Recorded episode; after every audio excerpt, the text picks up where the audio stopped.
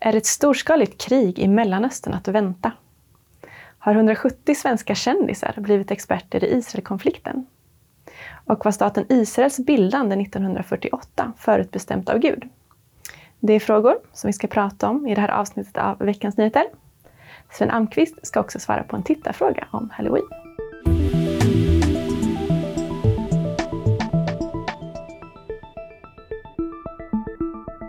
Varmt välkomna till det här avsnittet av Veckans Nyheter med mig Sara Andersson och bibelläraren Sven Almqvist som också är ledarskribent på Världen idag. Tack.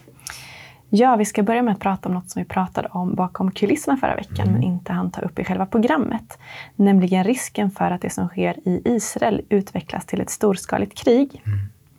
Redan nu är det så att Hizbollah och Israel skjuter mot varandra vid den israelisk-libanesiska gränsen.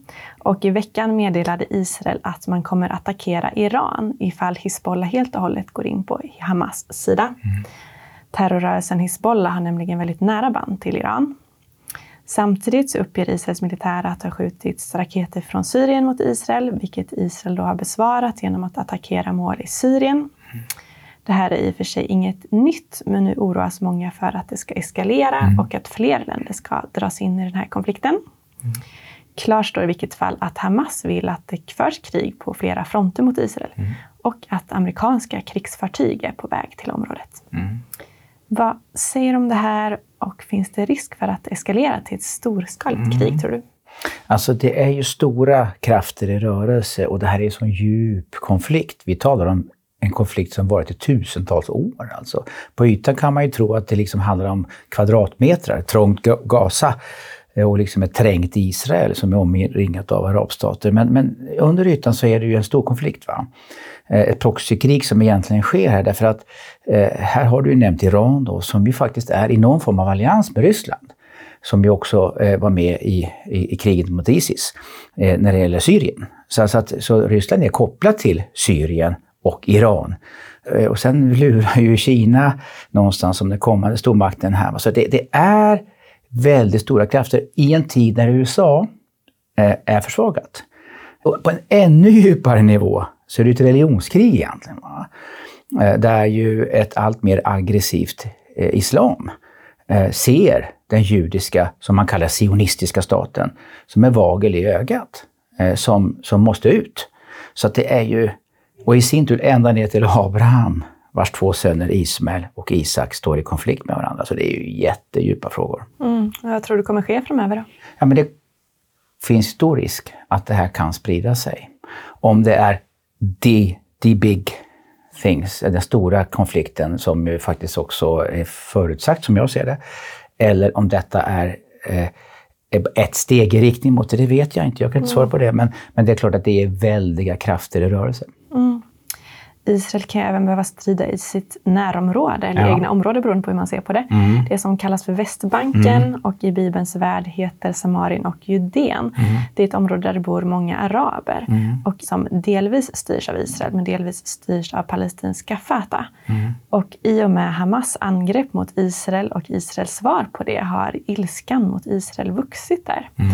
Vad säger du om det? Hur tror du det kommer utvecklas? Alltså, vi måste ha klart, Fatah är ju ett, eh, det är ju ett sekulärt aktör i det hela, eh, som är i konflikt med Hamas också. Va? Men det är klart att hatet mot Israel och det judiska är ännu större. Så att eh, har man en gemensam fiende kan ju två mot varandra. Ja, kommer de angripa Israel alltså det, alltså det är ju så här va, Fatas ledarskap har ju berikat sig enormt med all det, alla de biståndspengar som har strömmat in.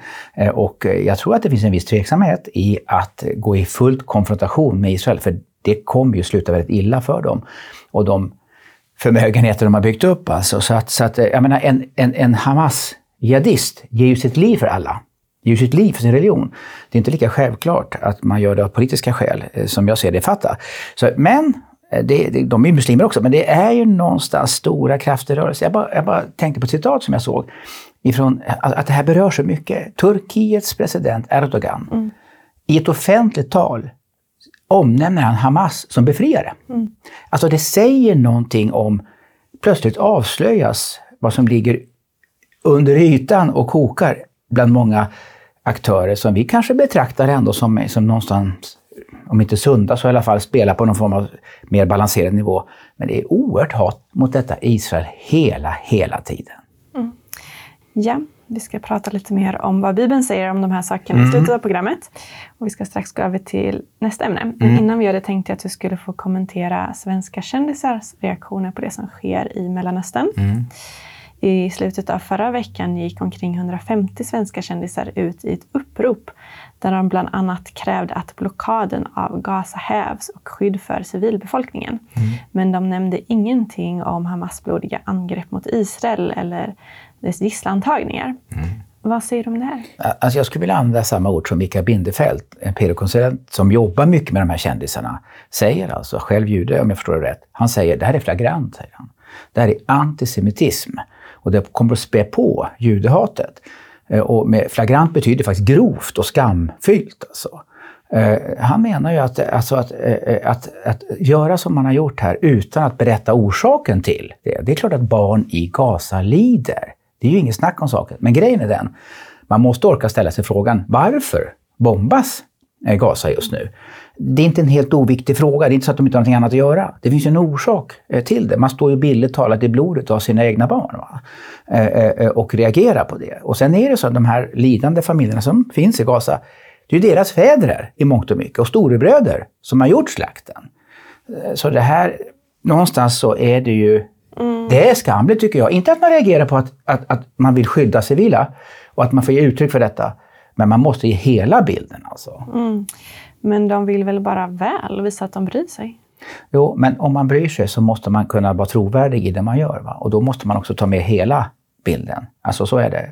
Man kan ju klippa, klippa en filmsekvens så att ett, ett handlande ser jätteoseriöst ut om man inte tar hela så att säga, det som orsakar i det här fallet eh, ett, ett agerande från Israels sida. Jag menar, så, återigen Sara, det som hände, det Hamas gjorde, tusentals Hamas-soldater gjorde, det skulle till och med få SS-officerare, nazistiska SS-officerare att häpna över grymheten. Alltså, det måste vägas in i när man bedömer det som nu sker. Mm. I USA har det också varit ett kändisupprop, men där har kändisarna istället gått ut till att kräva att Hamas ska släppa gisslan. Vad säger du om det? Ja, det är ett väldigt bra perspektiv. Det är, det är en sund reaktion. Men i Sverige så är man i bästa fall naiv och historielös i, i värsta fall någonting annat. Mm.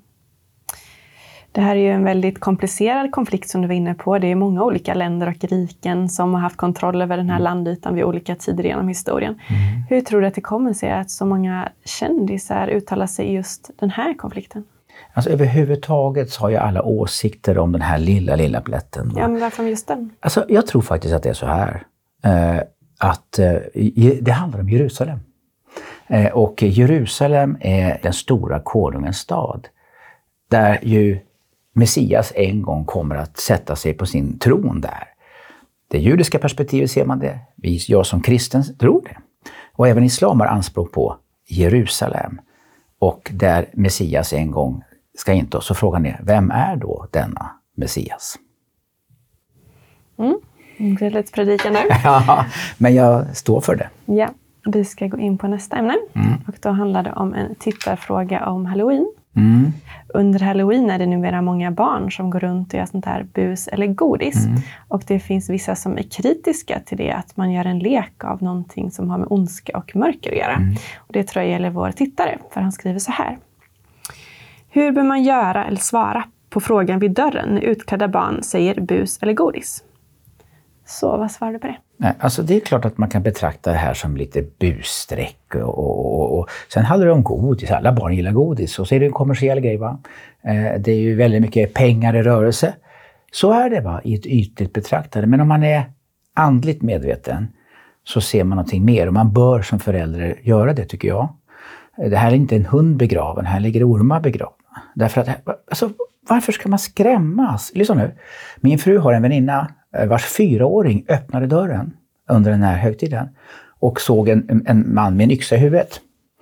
Sen dess så blir hon rädd varje gång det ringer på dörren och hon, eh, eh, hon vågar inte öppna dörren själv. Det har gått flera år. Varför ska man lägga en trauma på ett små barn? Alltså, jag, jag bara ställer, ställer frågan. Va? Mm. Men är det verkligen så farligt? Det är ju inte alla som har en yxa i huvudet som du beskrev här. Nej, men varför? Det finns saker under ytan. Det, jag tror ju på att det finns en ond andlig värld. Eh, har man suttit med människor som verkligen är bundna av detta, de här destruktiva krafterna, som inte vill barnen väl, som inte vill oss väl, då leker man inte med det. Vi har aldrig tillåtit våra barn klä sig i demoniska dräkter. Aldrig. Så vi är ganska strikta ska jag säga på detta. Eh, men vi har full förståelse för att andra inte ser det. Och då måste man hantera det med visdom och respekt, men vägledning. Mm. Eh, och sen är det här utan tvekan ett tillvänjande av att kunna umgås med det onda. Ungefär som att det, är lite mysigt och trevligt då, för det finns ju en ond verklighet. Så alltså, vi behöver vara medvetna om detta, även om det alltid finns ett intresse för, mm. för det spännande, det okända. Jag förstår det och, och så. Nu ställer du en konkret fråga. Vad gör man ja. Vad gör man också om man står vid dörren och ja, men precis, ringer på? Exakt, och det, det, är en jättebra fråga. Va? Det är svårt att, det är svårt att liksom låtsas att det inte det finns om man nu befinner sig i en sån här kultur som vi gör. Eller man, ja, annat... men ska man öppna? Ska man ja, låta ja, busa? Ja, okay. Ska man ge godis? Ja, man ska göra det bästa man kan göra av det, tycker jag. Det är klart man ska öppna. Eh, och här står det förväntansfulla barn. Och de ska inte mötas av citron, alltså sura människor. Utan vad min fru gör, hon bakar bullar. Någonting helt annorlunda. Så när de öppnar upp så känner de doften av bullar. Och så får varje barn en bulle och en liten uppmuntran. Ibland kan man också köpa små änglagodisar som säger du, vi vill ge dig lite godis. De goda änglarna som är bättre än de mörka änglarna. Vi ger, predikar inte som du anklagar mig för oftast, utan vi säger någonting gott till barnen. För det är ju, barnen är ju där för att få godis. Klätt i någonting som mm, anknyter till okult och det, vi, ger en, vi ger någonting gott till. Mm. Var ska man dra gränsen då? Ska man inte låta barn leka spöke?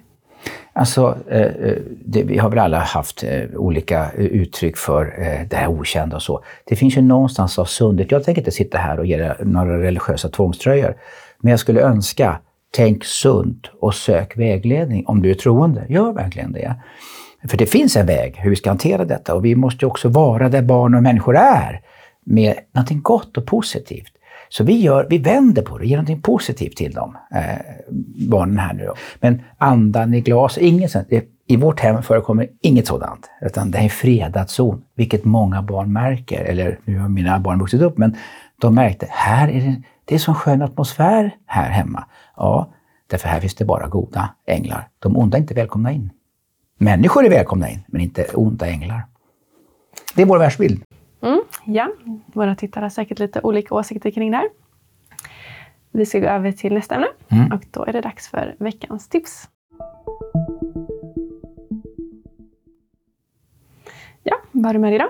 Ja, alltså en bokserie som kommer med regelbundna böcker och det är en bokserie som heter Finns Gud och det är Apologia som ger ut den. Mats Selander är redaktör och även skribent, men lite olika författare. Det är olika argument, vilket jag tycker är, jag menar vi kanske har tittare som inte Finns Gud? Jag tycker det är, super, det är den djupaste frågan. Och det är olika argument som kan ha att göra med design, har att göra med moral, har att göra med... Men om inte Gud finns, vad är, vad är meningen med allt? Superbra frågor. Mm, men är inte de där subjektiva då? Författaren vill väl att läsaren ska komma fram till att det finns Självklart, Gud? Självklart är det så. Men man, man jobbar inte utifrån bibliska, så att vad Bibeln säger, utan man har en filosofi runt det. Vad händer om inte Gud finns? Är allting meningslöst eller inte? Så det, det, det, det får dig att tänka lite djupare. Om vi söker mm. sanningen, Sara, det är det enda som du ska, du ska göra. Du ska söka sanningen. Inte vad jag säger, eh, utan vad... Eh, du får gärna tro på också. Men, men, eh, så det här är en fantastiskt bra serie. Finns Gud? Ja, tack så mycket för det. Vi ska gå över till det sista ämnet och då handlar det om en teologisk fråga. Ja, vi ska gå över till den teologiska frågan. Mm. Och då handlar det om ifall Israels bildande 1948 var förutbestämt av Gud. Läser man Bibeln kan man se att det går bra för Israel när de håller sig till Gud. Men när de lämnar hans väg eller tillber avgudar så invaderas de av andra länder. Mm. När staten Israel bildades 1948 kan man tycka att det såg ut att vara ett mänskligt verk mm. mer än något som gjordes av Gud. Tror du ändå att det var en del av Guds plan? Alltså Gud använder sig av människor, inte älgar. Va? Utan, jo, men de kanske inte sökte Gud just i den tiden. Nej, de vände sig till Gud. Jag förstår. Guds skeende är mycket större eh, än att han bara använder eh, viss typ av människor med visst exakt rätt eh, förståelse av honom. Utan det verkar som, eh, och min tro är, att Gud var med i det som blev statens bildande 1948. eftersom det ligger i någon form i Guds tidstabell. Jag tror inte att det står i Bibeln att 1948 ska Israel bildas, men i det sista skedet i, i, i det här eskatologiska perspektivet framåt kommer staten Israel att bildas.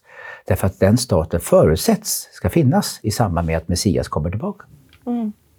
Men det finns ju ortodoxa judar som inte tror att det här var Guds plan utan fortfarande väntar på att Guds rike i Israel ska komma på något mm. annat sätt. Vad säger du om det? De har självklart rätt. Det är ju inte mänskliga byggen, men så, de, har ju rätt, de har ju rätt att det, när Messias rike ska bildas så är det ju Messias som kommer att bilda det.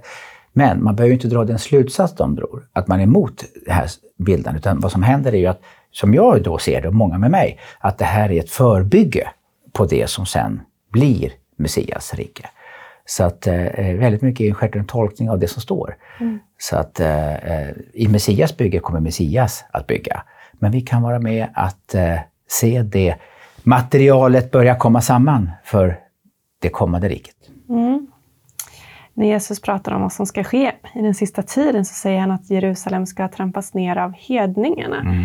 Tror du att det är något som liksom har skett innan 48 eller är det något som ligger i framtiden? Det tror jag har skett ända fram till 1967 eh, faktiskt. Eh, när ju även eh, stora delar av Jerusalem kom under så säga, judisk herravälde igen.